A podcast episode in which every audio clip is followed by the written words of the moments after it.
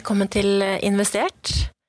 Denne episoden her skal også bygge videre på noen tidligere episoder, og vi vier denne episoden her til å bygge videre på blokkjedeteknologien. Og så skal vi prøve å se litt inn i hva fremtiden kan bringe, og hvordan fremtiden kan se ut på dette området. Og de blokkjedeteknologibegrepene vi har brukt tidligere, er jo digitale sentralbankpenger og kryptovaluta i de tidligere episodene. Så i studio er som vanlig Heidi. Og Mikael. Og hjertelig velkommen til deg eh, tilbake igjen, eh, Lasse. Tusen takk. Jeg gleder meg nok en gang. Ja, det er bra. Det er bra. Du, vi, eh, vi, tenkte i dag I forhold til vår verden så setter vi opp, ofte opp finansielle porteføljer bestående av aksjer og, og obligasjoner og alternative investeringer. Men ja, likvid. Likvid forvaltning. Ehm, men ehm, teknologien har jo, har jo, blitt tatt i bruk allerede på, på en rekke aktive klasser.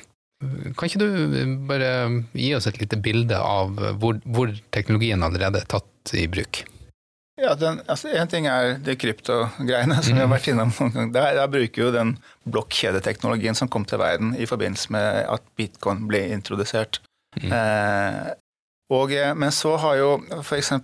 både Nasdaq og eh, Euronext, som Euronext er jo da Oslo Børs, og Nasdaq eh, en hel haug med andre børser, de hadde ganske store prosjekter i sånn 2018-2019. Jeg var i, Stockholm for Nasdaq har en ganske stort IT-avdeling i, i, i, Stockholm. Jeg tror de er et par hundre mennesker.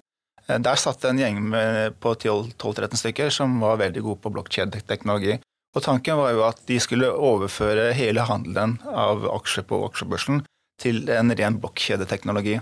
Fordi at uh, transaksjonen går mye fortere, det er mye billigere, mye mer gjennomsiktig. Det er, det er veldig mange fordeler med den teknologien. Uh, jeg tror de fikk en utfordring fordi at uh, reguleringsmyndighetene ikke hang helt med, slik at man f.eks. ikke trenger en, en, megler. Eh, men hvis nå det sier at alle aksjer på børsen skal ha en megler i, i reguleringsøyemed, så stopper det seg selv. Og, mm. og uh, Euronext kjøpte et selskap som heter Tokeny, som jeg holder til i Belgia, for å gjøre akkurat det samme. Men så er det jo en del børser jeg, Vi var jo, når jeg jobbet i DNB, eh, så så vi på muligheten for å omsette leiligheter altså, eh, tomter og, og, eh, egentlig leiligheter i sånne aksjeleilighetsbygg eh, med en blokkjedeteknologi for å spare ganske mye arbeid. Så vi gjorde det i DNB sammen med Obos-banken. Mm. Obos-banken som egentlig kjørte det prosjektet, og vi ble mer eller mindre med. Og Tanken var jo da at man i en, i en blokkjedeteknologi har man såkalte smartkontrakter, og en smartkontrakt er egentlig et dataprogram. Eh, så da var det sånn at når eh, en selger registrerte og en kjøper eh, aksepterte prisen, så ble alt overlatt til smartkontraktene, som var opphevet pantet fra selger og opprettet et ny pant for kjøper og, og sørget for hele den prosessen. her er ganske mye fram og tilbake, mm. som vi i dag bruker megler på.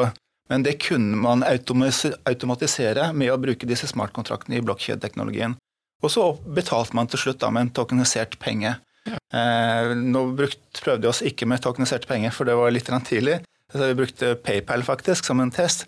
Eh, men så ble det prosjektet lagt ned. Vi prøvde og gjorde det for at vi skulle se om det fungerte, og det fungerte. Ja. Eh, så det er en del markeder i dag som faktisk bruker den blokkjedeteknologien. Blant annet så omsettes to tredjedeler av all olje og gass fra norsk sokkel, altså via Equinor, med en blokkjedeteknologi i et selskap som heter Vakt som, Norge, som Equinor eier sammen med Shell og British Petroleum og en del andre. Ja. Eh, fordi at det, det, er en mekanisme der, det er sånn, noe som heter atomic type transaksjon, som gjør eh, at du aldri altså, jeg, hvis, hvis, jeg kjøper et eple av deg, eh, Mikael, mm. så, og du har eple og jeg har da pengene, mm. eh, og så gir jeg deg ti kroner som, den, eh, som jeg skal betale for det eplet, og så holder jeg i tikroningen inntil jeg tar tak i eplet ditt. Mm. Og sørger jeg for at jeg aldri har, en, jeg aldri har ingenting. Jeg har enten eplet eller pengene. Den mekanismen finnes også da i, i teknologien blokkjedeteknologi. Helt ulik andre teknologier. Så det er en del sånn helt elementære eh, ting i den teknologien som, som, gjør det veldig fordelaktig å bruke det i omsetningsøyemed. Mm.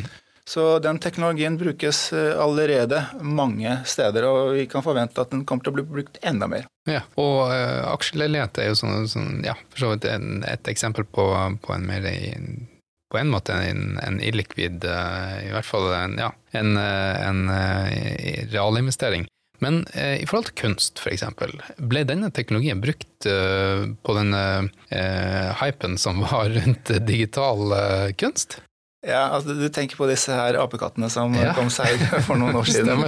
Eh, og som eh, Justin Bieber og Paris Hilton kjøpte for mange millioner kroner per stikk. Den teknologien som ligger bak det, heter non-fungible token. Eh, den teknologien som ligger bak det, er blokkjedeteknologi. Du får det ikke til uten blokkjedeteknologien. Og da på en måte får du et eierskap til et bilde. Og det bildet kan du ta ut på mobiltelefonen din eller på PC-en eller på, på, laptopen din. Og men du får aldri originalen. Altså, hvis det er en, en, en, kunstner som lager et bilde og gjør det om til en non-fungible tolken, NFT som det forkortes med, eh, så får du eierskapet til det bildet. Men originalbildet henger fremdeles på veggen hos kunstneren.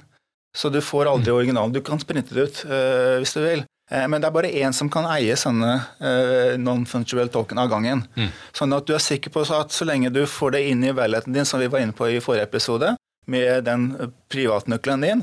Det som er inni den leiligheten din, er bare din, og det er, er, det ingen som kan ta fra deg. Så du er sikker på at det er du som eier det. Men disse apekattene og disse andre kunst Det er alltid slik at markedet som flommer over av en ting, da går kursen ned. Og det har jo også skjedd med disse apekattene. Så de apekattene som ble solgt for noen år siden for eh, millioner av kroner, de er verdt noen få tusen kroner i dag. Ja, nettopp. Eh, og du brukte parallellen sist på en kasse vin i Frankrike. Det må jo være det samme. Det er jo ren spekulasjon. I og med at du aldri får bildet på veggen din, så Nei, må du ikke. egentlig tro på at uh, ja, verdien er, er, verdistigningen. Ja, det er, det er ren spekulasjon. Ja. Er, men, og er, du må jo stole på at den kassen faktisk finnes der, ja. og at ingen andre tar den. At den er din.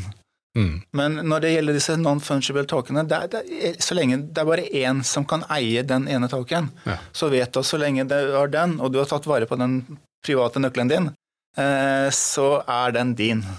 Skjønner. Og hvis vi skal bevege oss litt tilbake til, til finansverden. Du, du, nevnte at uh, kanskje ikke uh, lovreguleringen uh, Um, og, og, sånn er det jo ofte, vel, Heidi også.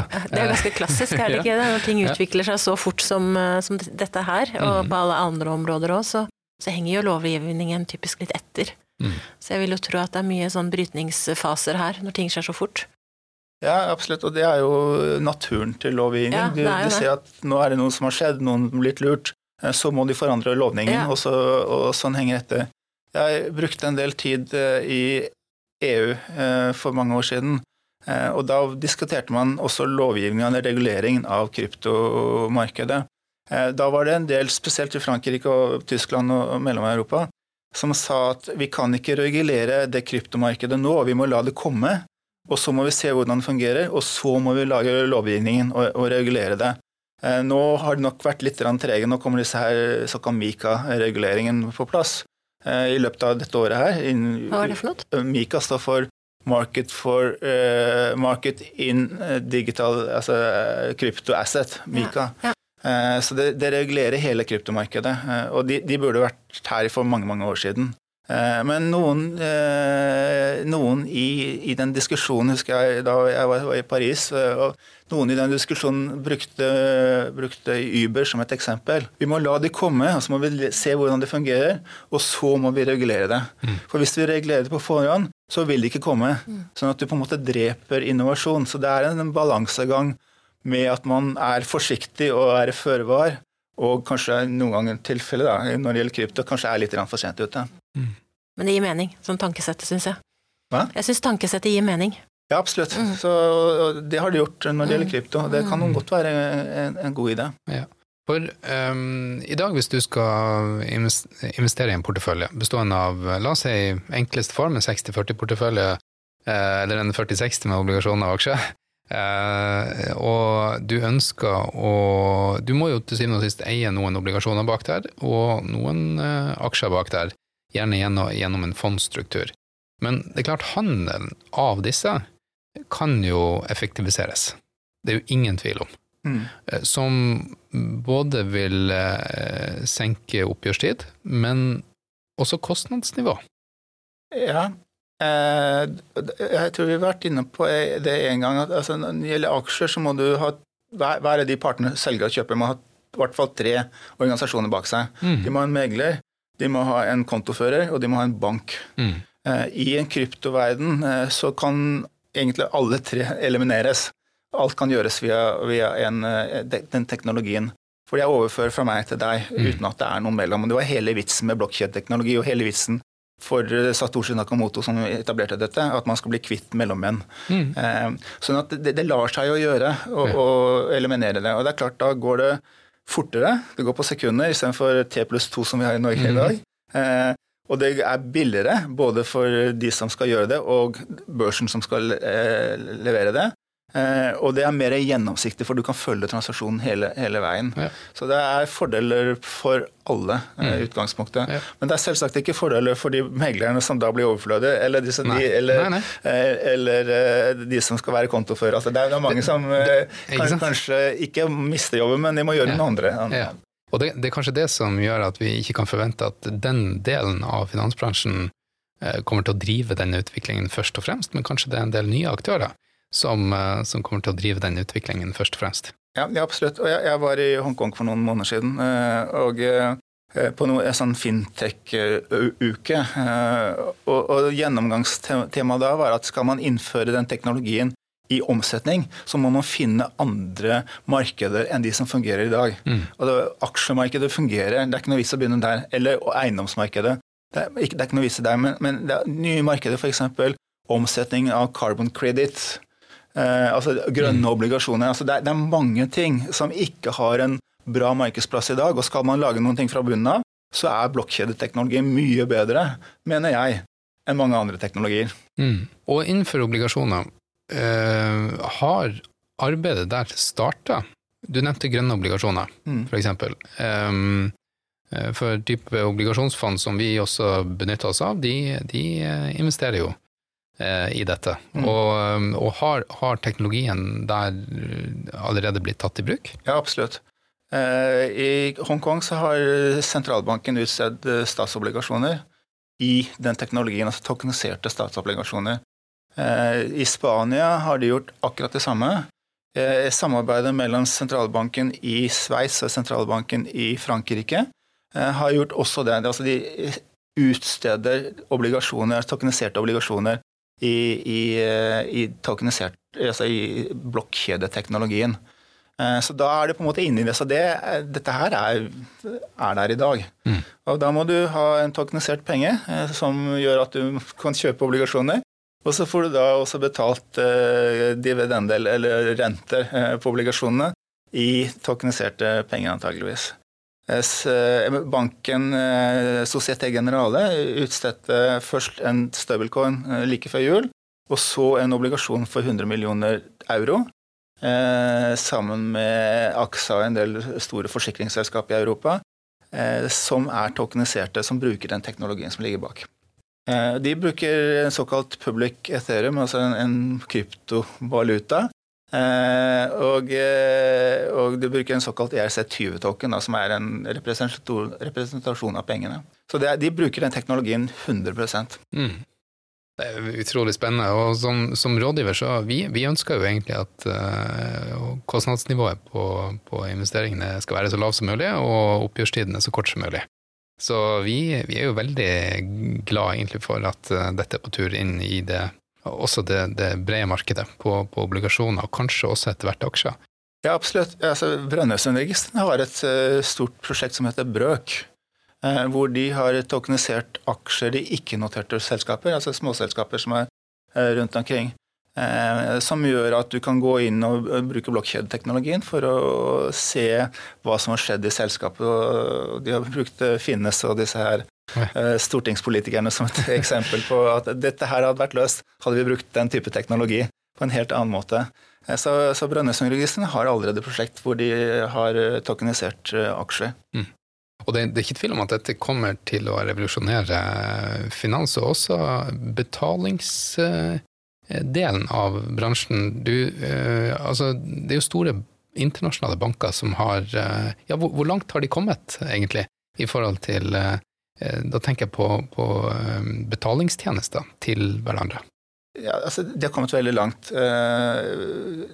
Den bevegelsen begynte nok i USA når det gjelder banker. Eh, JP Morgan var veldig veldig tidlig ute. Nå snakker vi 2015 eller noe der omkring.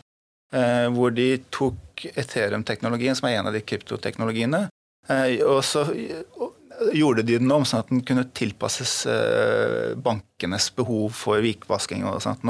Og så lagde de en teknologi som heter Quorum, som er en, en videreutvikling. Quorum. Quorum. Ja. Og så har de brukt den teknologien i mange ting, bl.a. betalinger. Eh, og da har de utstedt noe som heter JPN coin, altså JP Morgan coin, som er en, en tokenisert penge. Eh, som gjør at du som kunde av JP Morgan kan ta ut penger fra din bankkonto og overføre det til en tokenisert eh, do, amerikanske dollar i din wallet. Og så kan du da, En kunde av JP Morgan kan da betale til en annen kunde av JP Morgan. Og nå har jo JP Morgan 8 millioner kunder i 40 forskjellige land, sånn at de er ganske omfattende. Eh, men da kan da en kunde av JP Morgan betale til en annen kunde med en sånn tokenisert eh, penge. og Da kaller vi det tokenisert bankinnskudd. Eh, og det er en fordring på JP Morgan. Og så har Citibank gjort akkurat det samme, og så har, har Wells Fargo gjort det akkurat det samme, og så har Deutsche Bank i Tyskland får lov til å bruke JP Morgan sin teknologi for å gjøre det samme i, i Europa. Men problemet med, med, med, den måten å tenke på er at når du får en JPN-coin i din leilighet, så er det en fordring på, Norge, på JP Morgan som bank. Så hvis du gir den JPN-coinen til en kunde av Citibank, for du skal betale de to imellom, eh, så får den kunden av Citibank en fordring på JP Morgan, og det er ikke sikkert han vil ha, for han vil ha en fordring på Citibank som er sin. sin. Så han går til Citibank og sier at det er veksling med en innskudd i Citibank. Da får Citibank en fordring på JPM Morgan, så må de to bankene gjøre opp seg imellom via sentralbankreserver f.eks. Det er en ganske omfattende prosess. I Europa så er det nok flere banker som har gått den veien som Societe General har gått, nemlig at de har laget en stablecoin. Hvor pengene i, i, blir satt på en konto. altså Det blir dekket av en, en innskudd i, i, banken i Europa. Eh, og da har de gjort det ved at de har en, en kryptobørs som heter Bitmint, eh, hvor hvem som helst, uavhengig av hvilken bank man har, kan skaffe seg den stablecoin, og så kan alle betale til alle, uansett hvilken bank man ligger bak. Det er mye fleks, mer fleksibel. Sånn at jeg, jeg er relativt sikker på at i fremtiden så kommer vi til å, mer eller mindre, om vi vil eller ikke, eh, måtte bruke denne type teknologi og mekanismer. Mm. Ja. Du overbeviser meg. Ja, absolutt. ja, det, er, det, er, fryktelig mye som skjer, og, og veldig mye som skjer altså, nesten hver eneste ja. uke. At det er noen som kommer med noe nytt. Mm. Men som du var inne på, Mikkel, litt tidligere, reguleringen henger etter. Mm. Eh, så skal man gjøre dette på en ordentlig måte, så tar ting litt lengre tid enn mange skulle ønske. Ja. Men vi får smøre oss med tålmodighet. Det, det definitivt kommer til å være en, en sentral del av bransjen vår eh, de neste årene. Ja, absolutt. Eh, men når man dykker inn i den teknologien og ser hvilken fordeler man har der som man ikke får til i dag, eh, så er det helt utrolig hvor mye, hvor, hvor mye effektivitet som ligger her.